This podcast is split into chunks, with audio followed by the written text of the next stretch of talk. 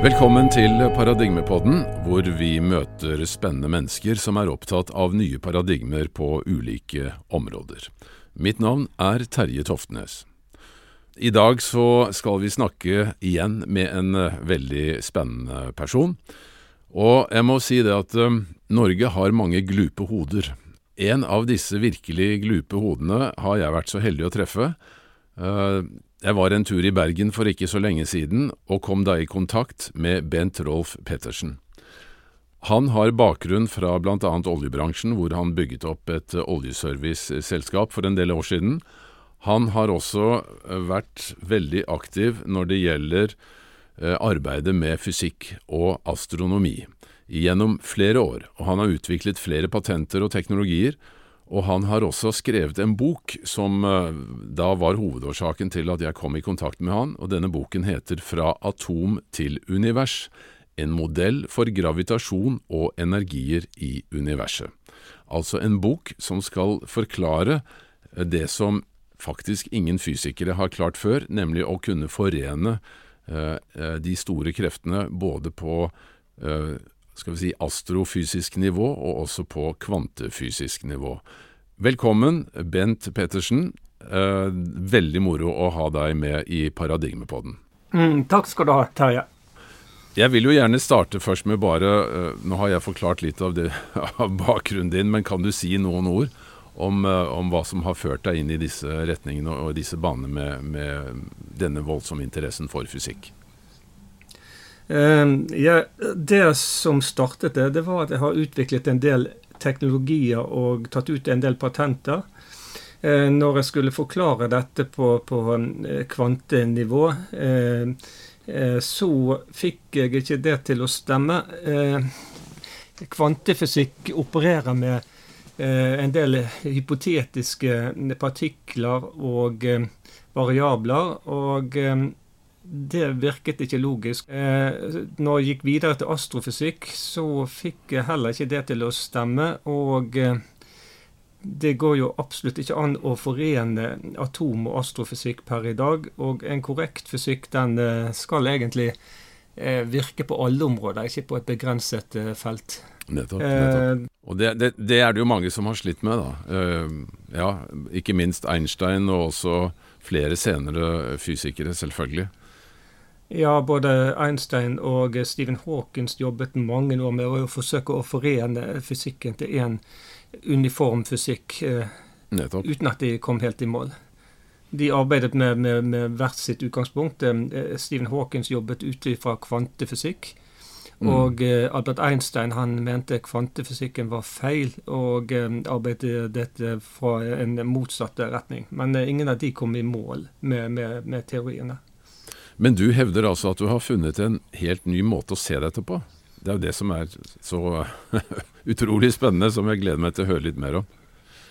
Ja, til, til å begynne med så vil jeg gjerne uh, gå inn på litt en filosofisk tilnærming. Uh, din podkast heter jo Paradigmepodden. Ja. Uh, og Thomas Kuhn, en professor, han eh, introduserte jo eh, begrepet paradigmer og paradigmeskift i, i 1962. Eh, og eh, han beskrev jo paradigmer som de uskrevne spilleregler som et forskerkollektiv arbeider under. Mm. Ja, det kan kalle det vitenskapelig praksis. Mm. Eh, og det, da, da, kan du ta det videre. at Hvis du har et problem du ikke, klar, du ikke klarer å løse, Eh, så må du gjerne starte på nytt med en annen angrepsvinkel. Det som virker som et utløselig problem, har ofte en eh, løsning hvis du endrer eh, regler og angrepsvinkel. Og dette gjelder også for, eh, for eh, vitenskapen. Mm, hvis mm. Eh, forskere ikke klarer å finne svar på, på problemene, kan dette være fordi de arbeider under eh, feile regler. Eh, de jobber da, uten at de nødvendigvis er klar over det, med et eh, utløselig eh, paradigme. Dvs. Si at de jobber med regler som ikke kan gi svar. Ja, altså det jo, Dette gjelder jo på mange områder. Også, jeg har jo selv vært innenfor dette området medisin, altså med hele forståelsen av kreft, hvor nettopp en, en, sånn mulighet er til stede. At man faktisk jobber ut fra en, uh, et dogme eller en, en, feil forståelse av et helt system. Men igjen tilbake til kvantefysikken og astrofysikken. Ja. Eh, professor Per Arne Bjørkum han, han uttalte bl.a. at man erkjenner at teorier bare er i bruk fordi det ikke finnes bedre alternativer. Mm. Ikke fordi de representerer det endelige svaret. Man innser at det ikke er mulig å komme med nye løsninger og dermed ny kunnskap, men at det er nødvendig. Og basert på det, så, eh, den innledningen, så, jeg, så kan vi gå, videre med, med eh, dagens teorier og, og, og, se på hvorfor de kan være feil. Ja.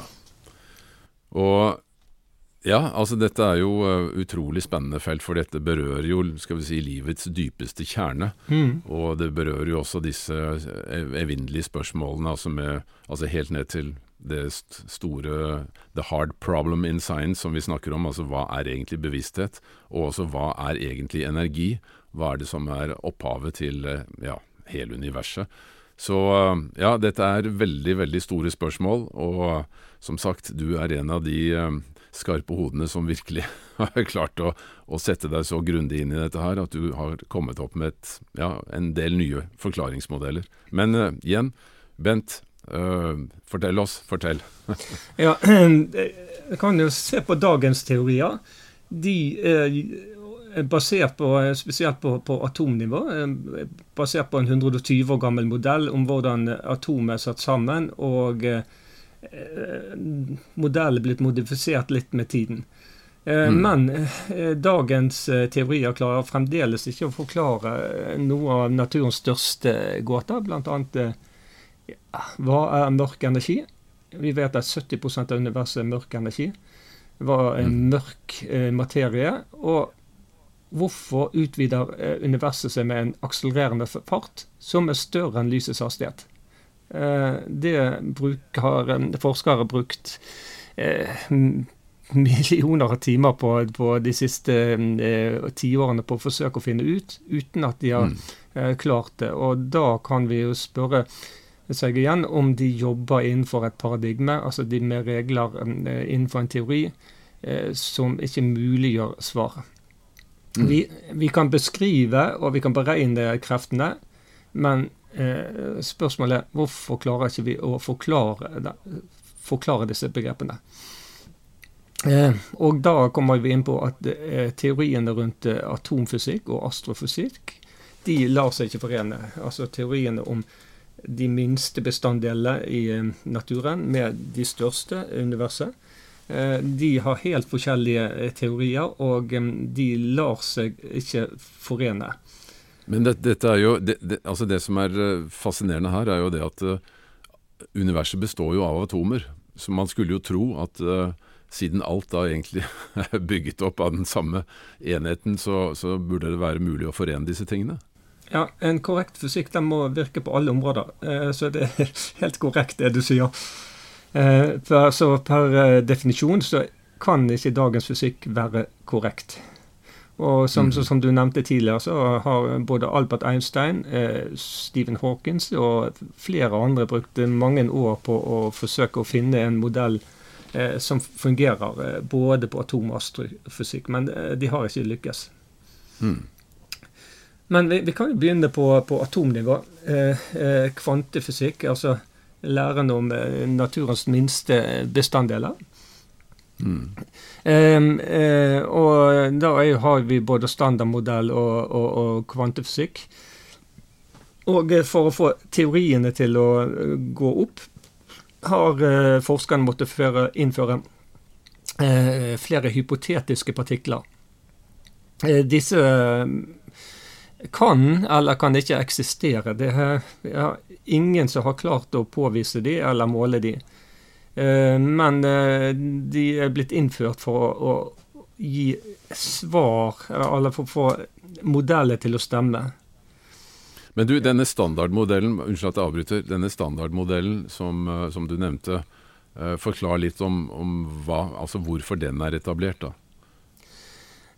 Opprinnelig er Atomos og, atom, de minste bestanddelene, de, den teorien om det ble eh, opprinnelig laget eh, for over 100-150 år siden. Og baserer seg på at atom hadde en kjerne, og eh, at det var partikler som eh, svirret rundt den eh, kjernen, som du i dag kaller elektroner. Det er det bildet vi har sett i fysikkbøkene på skolen, ikke sant? hvor det nesten ser ut som et sånt mini-solsystem. Ja, og, og, da har det vært et proton, og så har det blitt innført um, i uh, forrige århundre uh, nøytron. Og så har vi jobb, jobbet uh, innenfor den modellen med å forklare gravitasjon, eller tiltrekningskraft, og materialbindinger og hvordan atomer binder seg sammen. Men de har eh, brukt hypotetiske partikler, bl.a. Eh, graviton, for å forklare gravitasjon.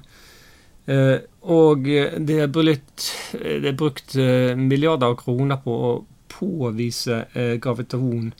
Men det er en av de hypotetiske partiklene som ennå ikke er blitt påvist eller målt. Altså Det man mener da, er at gravitasjon skyldes noen spesielle altså partikler som svever rundt uh, i universet, for å si det sånn? Eh, ja, og uh, det er ennå ikke blitt påvist eller målt.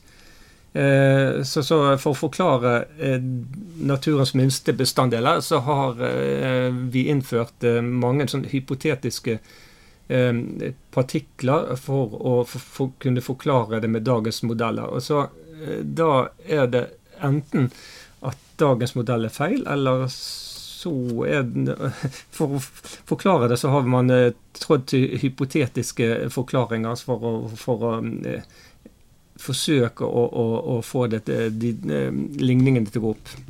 Og dette er altså denne standardmodellen da, som man dette, dette er standardmodell, ja. Som man opererer og, med i, i, i eh, ja, og, og ja. da arbeider du samtidig med at energier overføres via partikler som byttes ut, som uh, små batterier som byttes ut mellom atomene. Eh, og eh, naturen den, den, gjør ting på, på optimal måte. og er det optimal måte å gå rundt og bytte batterier, eller det, har du direkte eh, energibaner mellom atomene? Mm, eh. Det er noe som du kan spørre deg. Eh, og da, da, har vi sett på at, eh, fysikk på atomnivå. Og så er det eh, astrofysikk. Det er jo læren om eh, naturens største bestanddeler, altså selve universet. Mm. Og den er gjerne dominert av eh, Albert Einsteins generelle relativitetsteori. Og den eh, har en, eh, en, absolutt hastighet, at lysets hastighet Ingenting kan bevege seg raskere enn det. Og nå er det jo kjent at universet har en akselererende ekspansjon. Mm. Eh, hvis vi måler det fra Big Bangs eh, sitt sentrum, så, så, så eh, ekspanderer universet med en hastighet som er høyere enn lysets hastighet. Ok, ok. Og, og eh, det eh, henger jo egentlig ikke sammen med at lysets hastighet er den absolutte hastighet. Og da har eh, vi kommet opp med en teori som går ut på at uh, det fins et fabric of space, altså selve rommet, og at det utvider seg. Så, og Albert Einsteins teori går ut på at det er selve rommet som utvider seg, fabric of space som utvider seg. Men, men, eh, men ja. du, igjen, bare for å backe opp litt. Altså, Einstein er jo kjent for to, eh, i hovedsak to teorier, bortsett fra denne berømte ligningen hans E lik MC Jan. Altså mm. den eh, spesielle relativitetsteorien som forklarer eh, fenomenet gravitasjon, i hvert fall hans forståelse av det, og det gikk jo ut på at eh, ja, at, at, rommet krummet seg slik at, uh, mm. at uh, rundt objekter så, så, var rommet krumt, slik at f.eks. da lys kunne bøyes rundt en, uh, en, stjerne. og Det ble jo også bevist da, i en sånn solformørkelse i var det 1919. Jeg tror du skrev det i boken din. At han da på en måte fikk bekreftet at lyset kunne bøye seg rundt en, en stjerne. Ja, og, og det, det, gjorde jo sitt til at, at Albert Einstein ble eh, rikskjendis. Altså eh, rikskjendis, dvs. Si universalkjendis, eh, og teoriene hans ble anerkjent.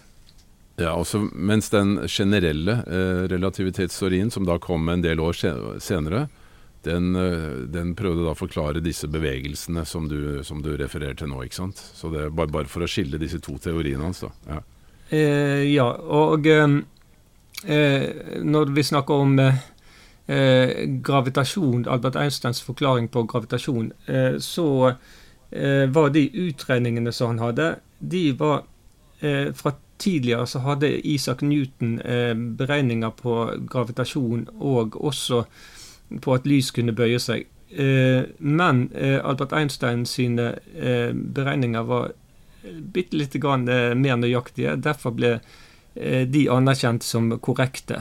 Mm. Og eh, Isaac Newton han eh, opererte med at gravitasjon eh, var avhengig av legemene, altså materien, og at de ble Kraften ble redusert med kvadratet av avstanden mellom legemene. Så da var det mm. masse å legemene.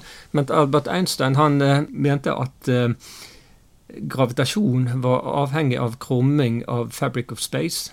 Eh, og eh, at det var legemene som krummet rommet. At det egentlig ikke var materien som, som skapte det. Men det gir en, en, Det har en svakhet, for ingen kan forklare, verken Albert Einstein eller andre, kan forklare eh, hva, hva fabric of space er. Og eh, Men når vi snakker om fabric of space, eh, så snakker vi altså egentlig om skal vi si, det vi også kan kalle vakuum. Altså alt det som er mellom. Alt det vi kan observere av eh, fysisk materie i, i rommet, ikke sant? Ja. Mm. Så, så um, gravitasjon relatert til um, Albert Einstein, det er folding av et uh, fabrikat som uh, ingen kan forklare. Ja. Men i hvert fall, dette var, dette var jo da altså disse to teoriene til, til Einstein. Men, og fremdeles, så, så altså Som du sier, at uh, fremdeles så er dette uh, forbundet med veldig, veldig mange store uløste spørsmål. Ja, i 2017 så um, var det Stephen Hawkins som uh, kom ut med en pub publikasjon, altså en artikkel, som han sa helt klart at, at, han mente at han kunne bevise at uh, generell realitetsteori uh, måtte være feil. Og den, ja. Han baserte seg på at uh, hvis universet ekspanderer, altså, eller hvis fabric of space utvider seg, mente han at da skulle jo alt utvide seg. Men vi, ingenting tyder på at stjerner, galakser, områder med mye materie, at Eh, de utvider seg. De virker som eh, som han kaller det, mosaikker eh, som ikke utvider seg, mens resten av universet utvider seg. Og han mente at det også var et bevis på at den generelle relativitetsteori måtte være feil. Og, og, i tillegg så baserer jo eh, den generelle relativitetsteori seg på at lyset er den absolutte uh, hastighet at ingenting kan bevege seg raskere enn lyset.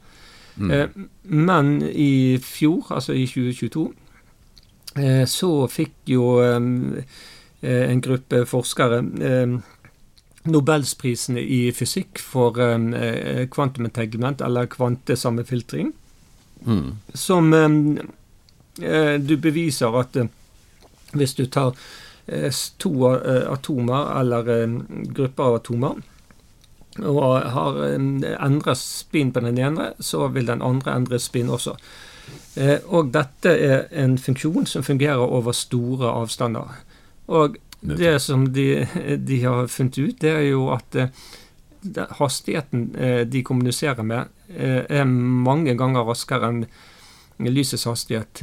Nå nylig så var det noen som mente å påvise at via eksperimenter at kommunikasjonen mellom atomgruppene, eller atomene, den er 10 000 ganger raskere enn lysets hastighet. Så vidt jeg har lest, var jo han Alain Aspect, denne franskmannen, som gjorde disse forsøkene allerede på første gang på 80-tallet. Mm. Og etter 40 år så, så, var jo han da leder fremdeles for den gruppen som fikk nobelprisen for dette her. Så det var jo lenge en sånn uh, effekt som ble sett på med litt uh, skal vi si, rynkete øyenbryn fra mange fysikere, fordi uh, det virket liksom helt umulig til å være sant. Men dette er vel bevist så mange ganger gjennom ulike typer forsøk at uansett avstand, altså selv om det er på Altså Fra galakse til galakse så er altså kommunikasjonen omtrent helt instant. altså Det er nesten ikke noe tid involvert i det hele tatt.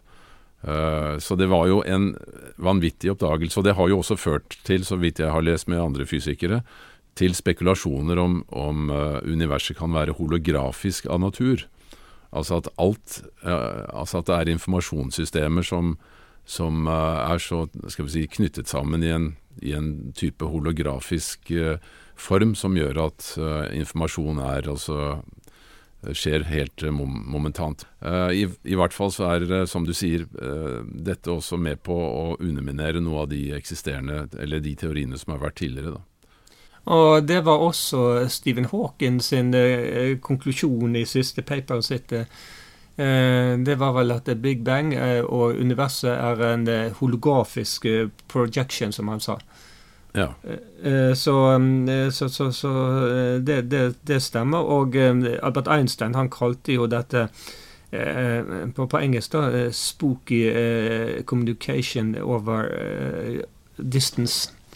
Mm, mm, nettopp. Så, så, så, Albert Einstein han, han, visste, han erkjente det, men han forsto det ikke. Og basert på at han mente at det var en absolutt hastighet, lyset var absolutt hastighet, så kom den generelle realitetsteorien. Eh, men nå utvider eh, universet seg med mye større hastighet enn en lysets hastighet. Og vi kan ikke forklare fabric of space. Så da kan vi lure på om, om den predikasjonen, altså er, om, om, lysets hastighet er den eh, raskeste hastigheten i universet. Eh, om gravitasjon og andre ting kan bevege seg raskere. Nettopp. Men du, hvordan kan man måle det? At uh, universet utvider seg raskere enn lysets hastighet? Eh, det eh, måler du med redshift, og astronomer har regnet på, på det i, i, mange år. Og det ble jo eh, en, en, stor oppstandelse når de oppdaget at at universet ikke var statisk, men eh, det, det utvidet seg ekspansivt, altså med en akselererende eh, fart. Og, og, eh, nå i det siste så har det gjort mange løsninger, eller målinger på det. Og den siste målingen som jeg så, den var at den baserte seg på at, at den ekspansjonen skjedde med to ganger lysets hastighet per dags dato. Men det, det, det fins eh, måling, mange målinger som, som, varierer her, eh, men det kan også eh, være at det er feilmargin her, at den kan utvide seg enda raskere. Men når du sier at man målte det med redshift, betyr det at man Altså, det er vel den samme effekten som man har altså når, du f.eks. Hører en ambulanse eller en brannbil som kommer imot deg, så idet den passerer deg, så går akkurat som tonehøyden går litt ned. Det er sånn bæbu, bæbu, bæbu, bæbu, bæbu, ikke sant? Sånn at altså når eh, lyset kommer mot deg, så, eh, så vil eh, altså frekvensen i eh, svingningene være tettere enn når det har passert og det går fra deg. Sånn at, at når noe beveger seg fra deg, så vil altså lyset bøye seg eller gå, gå, mot rødt, er det ikke det som menes med, med redshift? Altså akkurat som, eh, på samme måte som denne bilen som passerer. Mm. Ja, det er, rett, det er, er riktig. Eh, mm. Og, og um, du ser det i, i gravitasjonslinser. Dvs. Si at steder med mye gravitasjon, så ser du også at lyset blir bøyd. Og det tyder på at lyset blir påvirket av gravitasjon. Og mm. det er også en interessant eh, tolkning da, at da eh, vil egentlig lyset gå bitte lite grann raskere mot gravitasjon og bitte lite grann svakere, eh, saktere fra gravitasjon. Og det, da beviser vi at lyset på, eller fotoner blir påvirket av gravitasjon. Og at eh, ikke nødvendigvis eh, lysets hastighet er en absolutt hastighet. At det kan være små variasjoner i den hastigheten. Mm. Men når, når, du, altså når, du, bare for å igjen oppklare noen begreper, altså Fotoner er altså det vi kaller lyspartikler. Eh, så be, Betyr det at lys egentlig er en form for materie? Uh, lys, uh, fot, eller fotoner, er sannsynligvis den minste samlingen av kvarker vi har. I og med at den blir påvirket av gravitasjon, Eh, så må den ha noen eh, gravitasjonskvarker i seg. Men den, de har også energi. Eh, så det er mye som tyder på at fotoner er de minste samlingene av, av kvarker eh, som vi har. Kvarker er da det, altså disse byggeklossene som er inni eh, altså i um, protoner og nøytroner som igjen er inni atomkjernen, er det riktig? Det er korrekt. Og um, du har forskjell, antageligvis forskjellige kvarkesamlinger. Du har fotoner, som er de minste eh, kvarkesamlingene som finnes. Og så har du, du, du eh, fra, fra, sol av og til eh, corona mass ejections, altså at det kommer utslipp av større partikkelsamlinger. Men mm. fremdeles så har de ikke fullstendig operativsystem at de er, er materie. Når tilstrekkelig mange kvarker og kvarkesamlinger har samlet seg, så blir de til de enkleste atomene vi har. Da blir de til hydrogen, og så kan det utvide seg videre hvis det til, får tilført uh, mye energi. Mm. sånn at, energi. Eh, så bare for å ha slått fast for det for de som ikke er inne i fysikken i utgangspunktet, altså at atomet består jo da av uh, som vi har sett på disse tidligere modellene, så har i hvert fall vært forståelsen at atomet består jo av en kjerne Uh, også med elekt elektroner som spinner rundt. Og inni kjernen så har vi altså to forskjellige typer partikler. Det er positivt ladde protoner, og så er det nøytrale nøytroner. Men inni disse partiklene, og da går vi altså inn i det subatomære, så befinner det seg da forskjellige typer kvarker som er altså små energienheter, som da er byggestenene til disse protonene og nøytronene.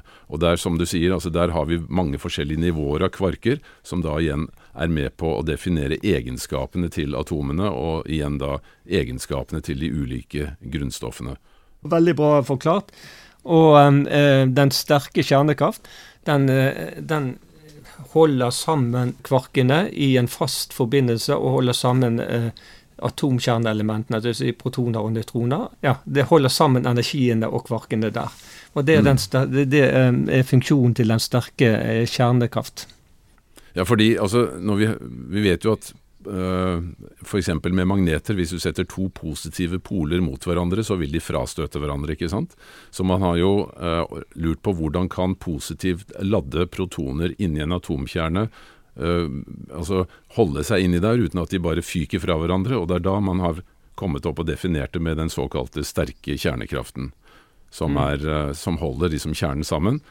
Uh, men vi har jo også fire, i hvert fall i den skal vi si, vanlige fysikken, så har vi jo definert fire forskjellige grunnleggende energier i universet, så vidt jeg vet. Altså, altså den sterke kjernekraften og den svake kjernekraften, som da gjør at atomer øh, holder en viss avstand fra hverandre. Uh, og du har da elektromagnetisme som den tredje, og som den kanskje kraftigste uh, energien i universet. Og så har vi da gravitasjon. Altså gravitasjon, elektromagnetisme, sterk og svak kjernekraft. Det er det som den skal vi si, kjente fysikken opererer med. Ja, nei, men det er helt, helt korrekt, det.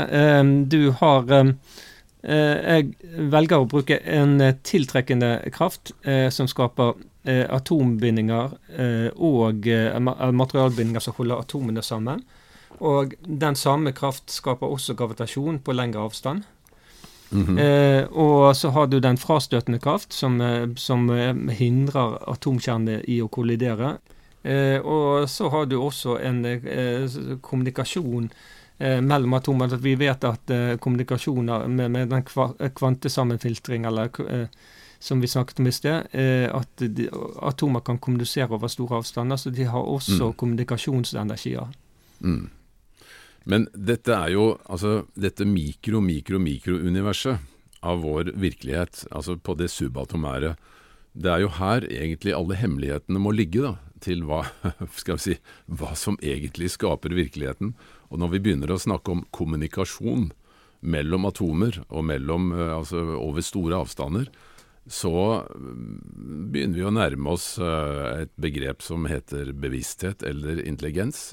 Eller, men eh, det blir kanskje litt tidlig å gå inn på de begrepene der. fordi det må jo være Så lenge det er en informasjonsflyt, så må det jo være styrt igjen av, av en eller annen form for bevissthet. Men la oss la den ligge litt. Ja, den, og da, da, da, ser du på atomene som en organisme. Det er en organismemetafor.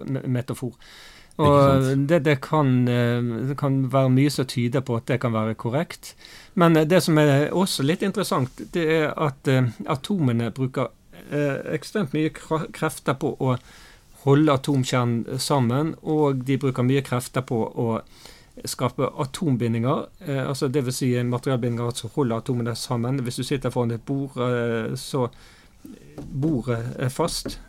Mm. Og eh, samtidig så veier bordet noen ting. At de, atomene sender ut hele tiden gravitasjon. Eh, mm. Og eh, i tillegg eh, så vet vi at de kommuniserer med hverandre. Eh, så atomene bruker kontinuerlig mye energi på dette. Og da vi, kommer vi inn på noe som heter energibalanse i atomer. Eh, atomer eh, bruker mye energi på, på de primæroppgavene sine, som er tiltrekkende kraft og osv. Og, eh, når atomene bruker mye energi på, på, dette, så for at de skal fungere, så må atomene være i energilikevekt. Dvs. Si at de må få tilført like mye energi som de forbruker. Ja. Og da er det interessant um, at um, vi har påvist at 70% av universet er mørk energi, som er energienheter eh, som jeg definerer det som er energienheter som ikke er knyttet til materie eller en universelle fenomen. Altså dvs. Si stjerner, sorte hull. Eh, eh, altså løse energi, frie mm. eller løse energienheter. Og da er det naturlig å anta at atomene får kontinuerlig tilført energi fra mørk energi hele tiden. Altså 70% av alt rundt deg per i dag. Altså det er frie energienheter. Så denne frie energienheten, den tilfører altså atomene hele tiden energi. Sånn at det er hele tiden altså en utveksling av energi, da, for å si det sånn. At eh, atomet på en måte er en slags energitransformator, kan vi kalle det det? Ja, det er helt korrekt. Og eh, du kan godt kalle det resirkulering av energi. Eh, for eh, når atomer sender ut gravitasjonsbaner, eh, så treffer de andre atomers gravitasjonsbaner, og når de treffer andres atomers gravitasjonsbaner, så skapes det en tiltrekkende kraft. Men mm. hvis eh, eh, gravitasjonsbaner eh, ikke treffer andre gravitasjonsbaner, så blir de til slutt så svake at ikke de klarer å holde sammen og gå i oppløsning. Og mm. da blir de til eh, frie energienheter som ikke er knyttet til, til materie. Og da blir det til altså mørk energi. Så hele, hele, tiden så foregår det en resirkulering av eh, energi. Mm. Men dette med mørk energi, det er jo et, eh, et mystisk fenomen. Altså det, det, ligger jo i ordet selv, ikke sant. Mørk energi. Altså det er noe vi uh, ikke kan måle, det er noe ikke vi kan se. Det er noe ikke vi uh, vet hvor kommer fra. Men uh, så vidt jeg vet, så er det jo noe som han har kommet frem til fordi at man rett og slett må få ligningene til å stemme. Mm. vet vi egentlig hva, en, hva en energi er, og hvordan det oppstår, hva, hva det kommer fra? energi eh, så For å utøve en kraft, så må du bruke energi. Og energienheter eh, eh, Det fins forskjellige typer Antakeligvis forskjellige typer energienheter. Så, så egentlig mørk energi en samlebetegnelse for mange forskjellige typer energienheter. Og da kan jo vi bevege oss videre på noe som jeg kaller atomic face displacement. Som um, egentlig er konvertering av de forskjellige energiene i atomer. Mm. Uh, og, og, atomer konverterer energier hele tiden for å utføre sine primæroppgaver, som er tiltrekkende kraft, frastøtende kraft, den sterke kjernekraft, kommunikasjon og andre oppgaver. Og for å, å, utføre oppgavene, så konverterer den hele tiden atomene energi. Og, uh, og, det kaller jeg um, atomic face displacement. Og forskjellige grunnstoff de eh, prioriterer forskjellige typer energier når de har energioverskudd. Og det som du var inne på også, at eh, kvarkesammensetningen i de forskjellige eh, grunnstoffene de varierer, og da eh, får de forskjellige egenskaper. Mm. Og vi kan ta et eh, raskt eksempel. Eh, jern, f.eks. Jeg kaller den tiltrekkende kraft Ilefoss. og det, dertil den nye modellen som jeg har laget for Ilefoss-modellen. Ja, for du har, utviklet en, du har, utviklet en, egen modell for dette, hvor du også har kommet opp med en del uh, nye begreper, da, bare for å ha nevnt det. Sånn at Ilefoss det er egentlig et begrep du har satt på, på denne kraften. Ja. ja. Og, og uh, hvis vi tilfører uh, eh kraftig elektrisitet til eh, jern, så konverterer eh, jern denne til magnetisme, som er tiltrekkende kraft. Så uh, egentlig både atombinding av gravitasjon og magnetisme det er tiltrekkende kraft som eh, trekker eh, på, på um, atomer og materie. Og vi sier jo dette her er klart når vi til, tilfører elektrisitet til, til, til jern. Da får vi magnetisme, produseres magnetisme, og da har vi en elektromagnet. Mm. Så jern konverterer Eh, eh, elektrisitet, altså som vi kaller dielektrisitet, eh, de-electricity, til magnetisme. Og i, i motsatt tilfelle så ser vi at kobber har andre egenskaper. Den har en annen kvarkesammensetning, så den prioriterer elektrisitet, eller jeg kaller det de-electricity. Så eh, hvis kobber eh, tilføres eh, pulser av magnetisme, så mm. konverteres eh, denne til elektrisitet. Og det ser vi i generatorer. Og jeg, jeg, har også lyst til å sammenligne det med, eller å, å, trekke inn eh, et veldig kjent element som de aller, mennesker, aller fleste mennesker har et forhold til, og det er en høyttaler. Eh, for vi vet jo at i en høyttaler så sitter altså en fast magnet helt bakerst på, på, på høyttaleren, og så sitter det da en spole med, hvor det er tvinnet kobbertråd rundt, eh, som da Uh, uh, som kan da bevege seg frem og tilbake uh, inn i denne faste Altså denne faste magneten er som en, en ring, da. og så har du en sånn elektro, en, en spole med kobbertråd rundt. som kan bevege seg frem og tilbake inn i den ringen. Og så sender vi altså da strøm i form av altså lyd, lydsignaler som er omdannet til, elektri, til elektrisk strøm gjennom uh, kobberspolen, og så vil den da bevege seg inn og ut i henhold til frekvensene i, uh, i uh, disse si, elektromagnetiske pulsene som kommer da fra en forsterker. Og dette prinsippet er jo det er, altså, det er, helt utrolig at det funker i det hele tatt. At det kan formidle frekvenser over hele det hørbare spekteret, altså fra 20 til 20 000 hertz. Samtidig som Altså for å sette denne pappen i bevegelse, da, som er denne høyttalerpappen er jo koblet på denne bevegelige spolen.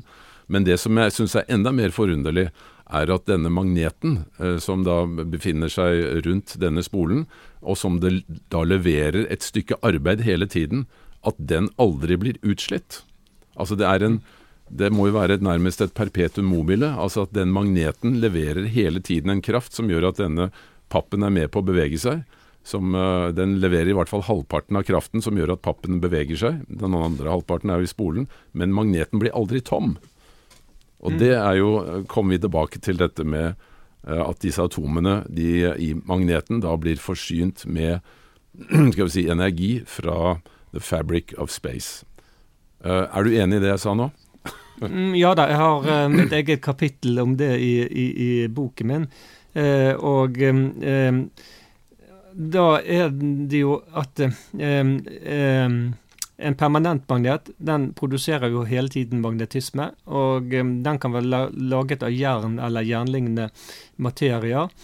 Og da betyr det egentlig at den får tilført mer mørk energi enn vanlige jernmolekyler. Jeg skrev mm. akkurat en artikkel om akkurat dette.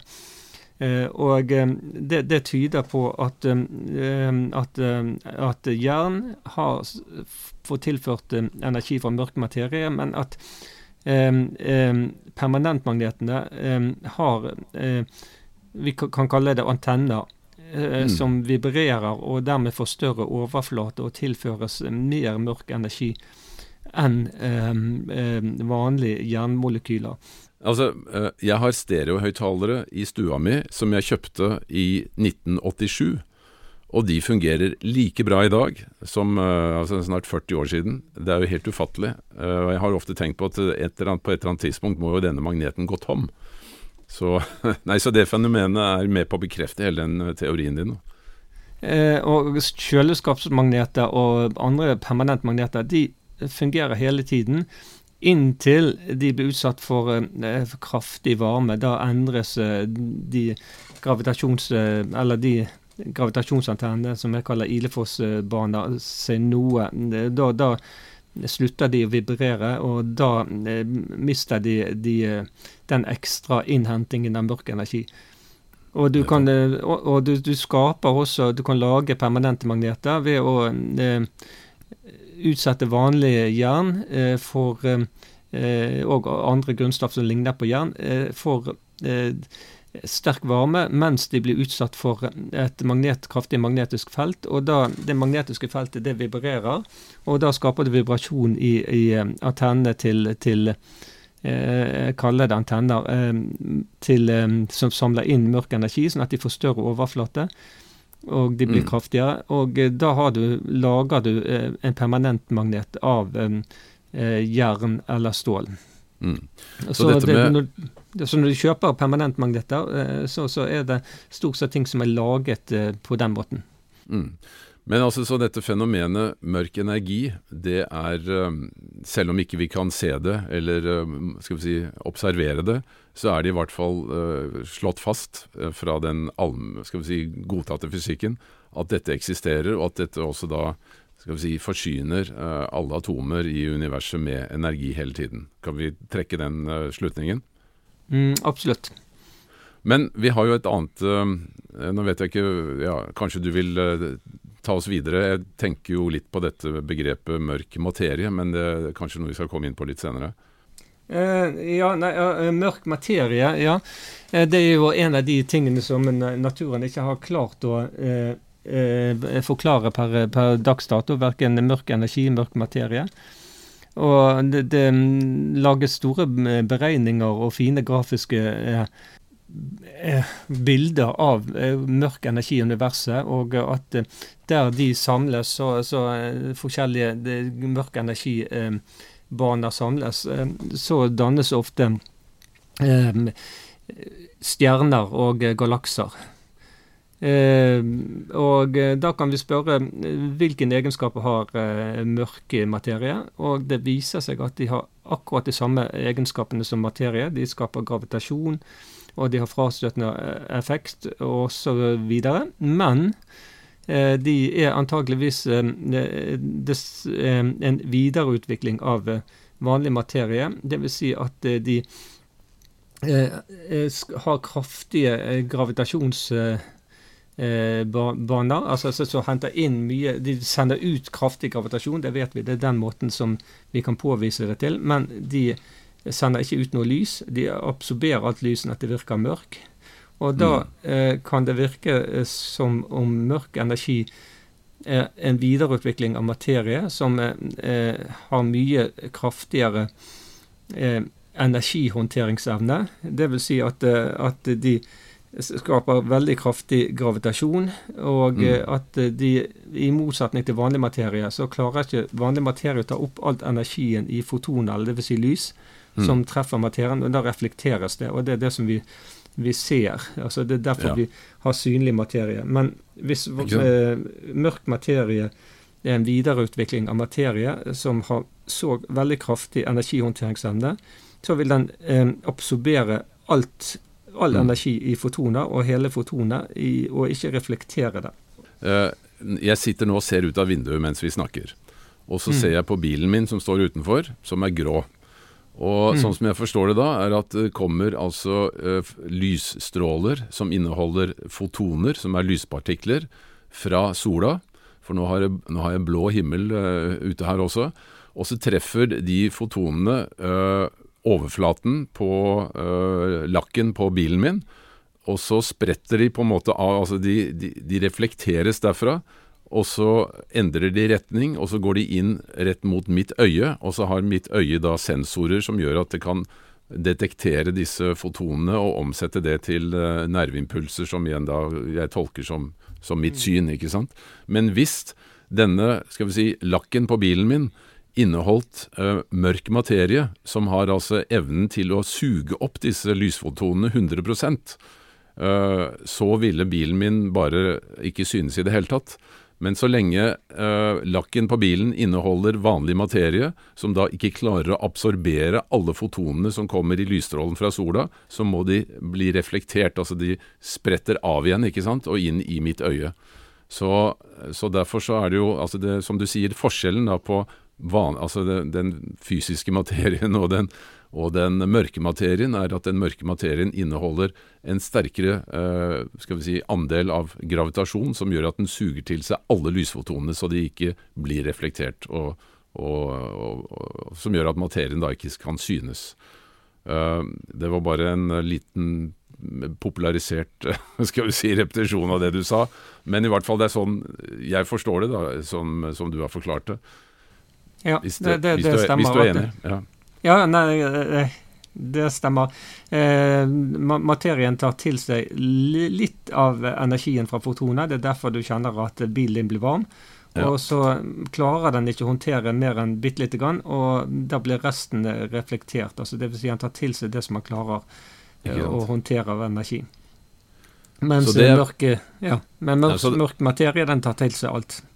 Så den som skapte den fysiske verden, hvis vi skal bruke en liten sånn analogi, fant ut at eh, for at eh, ting skulle være synlig, så måtte ikke eh, disse materiepartiklene være en sånn karakter at de klarte å suge til seg alt det som de ble truffet av av lysfotoner.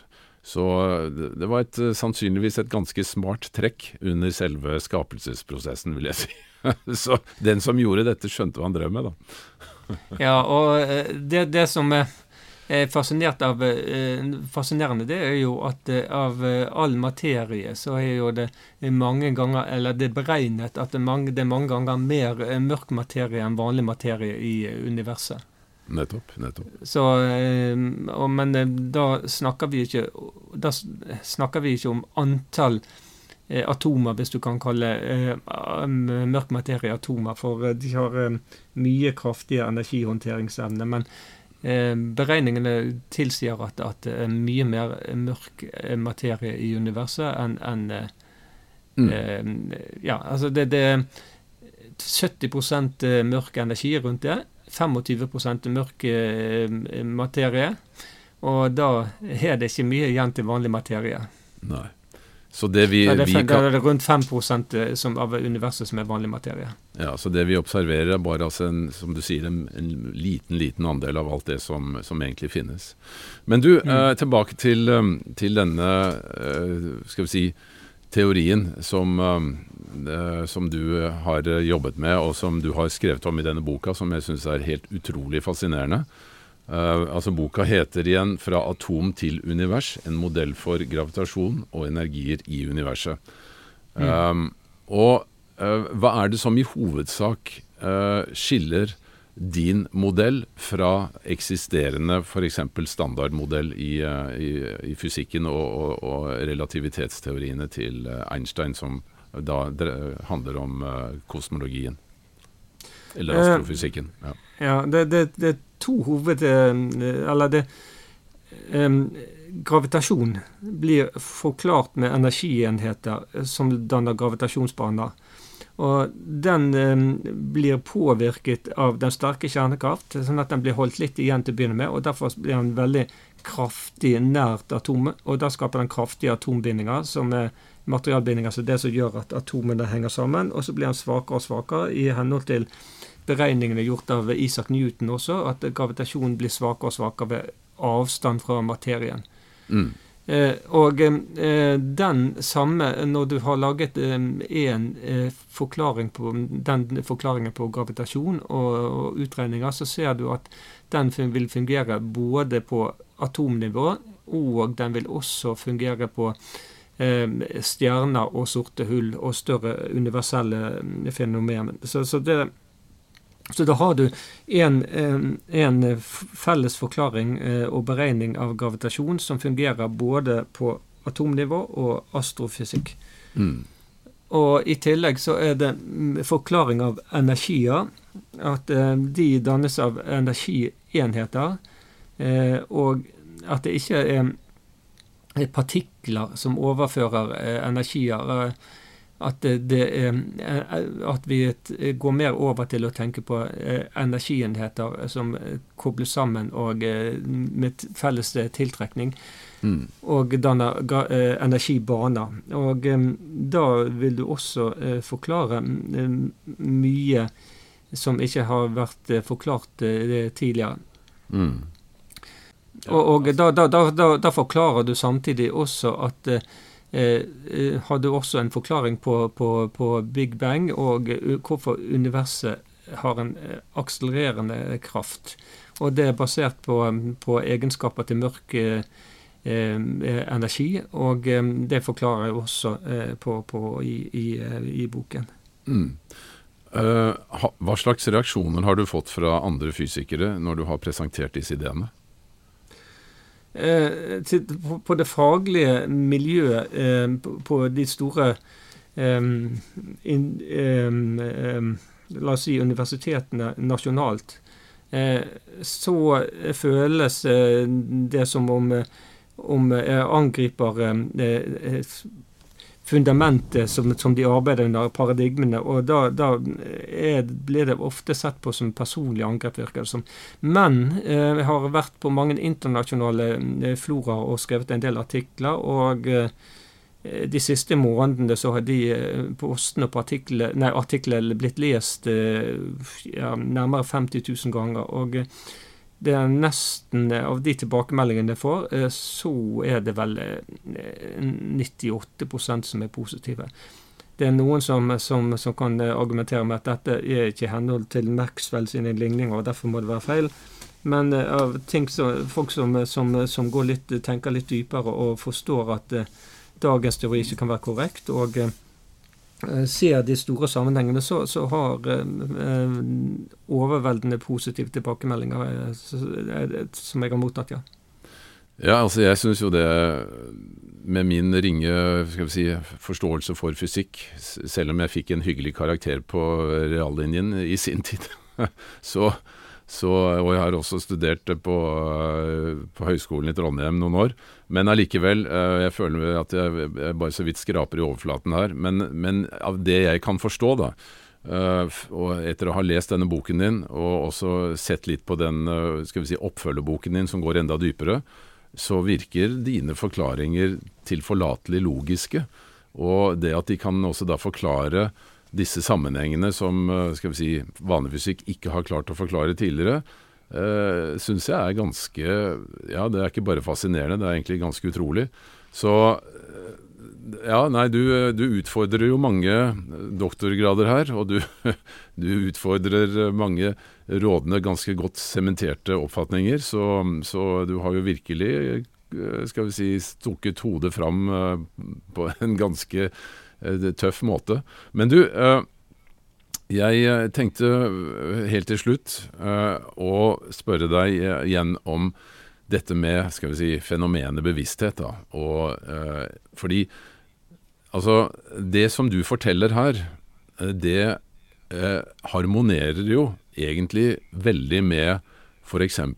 vedisk visdomstradisjon.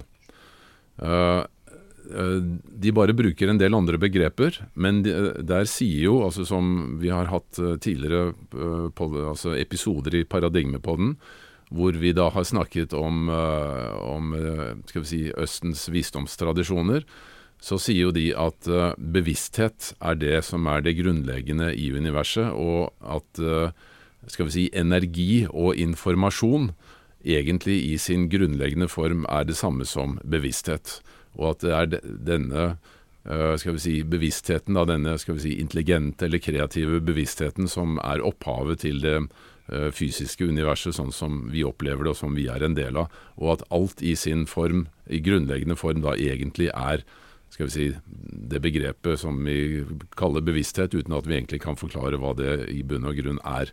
Men er du, er du, altså som fysiker, da, er du med på det? Går det an å, å bryte denne barrieren igjen mellom det fysiske og det ikke-fysiske ved å innføre eh, Altså når du går ned i, i, i fysikken på, med dine nye teori, teorier, eh, tør du da ta ordet bevissthet i din munn, for å si det på den måten? Um, kvarker, det er egentlig konsentrasjon av energier som er satt i, i system. Og eh, når du har flere kvarker som eh, er satt sammen i ett element, og du konverterer eh, energier og utfører handlinger, så tyder det på, sånn som vi snakket om tidligere, at atomet kan ses på som en organismemetafor. Og atomer de kommuniserer eh, antageligvis på eh, flere nivåer. Både på én eh, energi på lengre distanser og én eh, energi på, på, med kortkommunikasjon. Så det er sannsynligvis flere forskjellige typer eh, energier i et atom. Og du har en, et operativsystem i atomene som, som sørger for at atomene Eh, utfører sine eh, oppgaver, dvs. Si de eh, energiene og oppgavene og kommunikasjonsoppgavene, og konverterer energier. Så du, du har et, en, en måte, en, et, et operativsystem. Og mm. når atomer kan koble seg sammen og dele energi Hvis du overfører energi, varme til dem, så, så, deler de energien utover um, og formidler det videre. Og når atomer kan kommunisere på, på, på kort og nært hold, og eh, atomer kan samles til atomsamlinger som eh, kan eh, organiseres og videre kan bli virus og bakterier og celler i mennesker, sånn som i levende vesener, så, så er det en, en, kommunikasjon mellom atomene og eh, i videre forstand så eh, tyder det på at eh, en sentral kommunikasjon og styring av materie som kan tolkes mot bevissthet. Mm. Ja, altså en form for Altså Det er jo tydelig at det er en form for uh, bevisst organisering her. At det er ikke bare rene tilfeldigheter. For det, altså, hadde det vært det, så hadde vel dette bare vært et kaos, hvis det hadde vært noe i det hele tatt. Uh, ja. Sånn at eh, det må være som altså, I og med at du har et operativsystem, uh, og, og, i det hele tatt altså, Med en gang vi begynner å snakke om ta i bruk ordet system, så tyder det på form, et form for intelligent opphav. Uh, og vel, altså det er vanskelig sannsynligvis å, å, å, gå noe mer dypere inn i det enn det, men det å konkludere med at atomer kan kommunisere, og at de utfører oppgaver innenfor et definert system, det, det uh, ser man jo, og ikke bare i din modell, men også si, i den generelle fysikken. Og det er jo da veldig nærliggende å trekke konklusjonen at her er det en form for intelligens uh, ute og går, altså en intelligent form for informasjonsutveksling. Og jeg husker også da vi møtte den kjente systemteoretiker uh, doktor Ervin Laslo, uh, som har skrevet masse masse bøker om disse tingene, som også da sier at hol altså det holografiske prinsippet sannsynligvis også er rådende innenfor organiseringen av, av hele si, universet, også på kvantenivå så sier jo han at uh, universet består av to uh, hovedelementer. Det er energi og informasjon.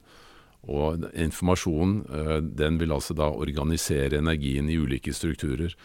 Og den informasjonen, det, der trekker han likhetstegn med bevissthet.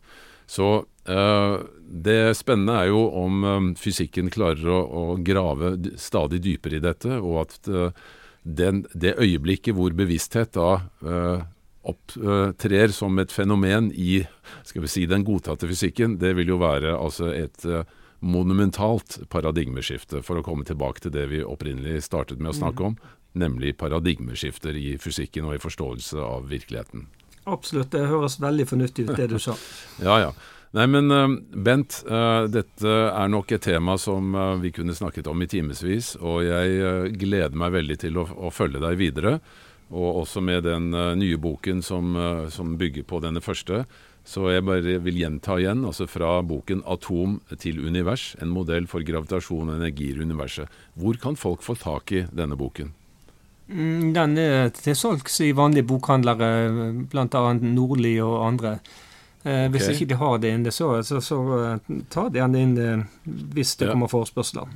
Og den er altså utgitt på det forlaget som heter uh, Skal vi se eh, iSource, som er forlaget. Ja, iSource. Ja, ja.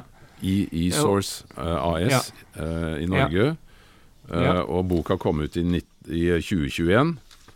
Og ja, det er altså en, en faktisk en begripelig Selv for folk som ikke kan uh, ha vært befattet med fysikk, så syns jeg den boken er en begripelig fremstilling av noe som egentlig er veldig komplisert.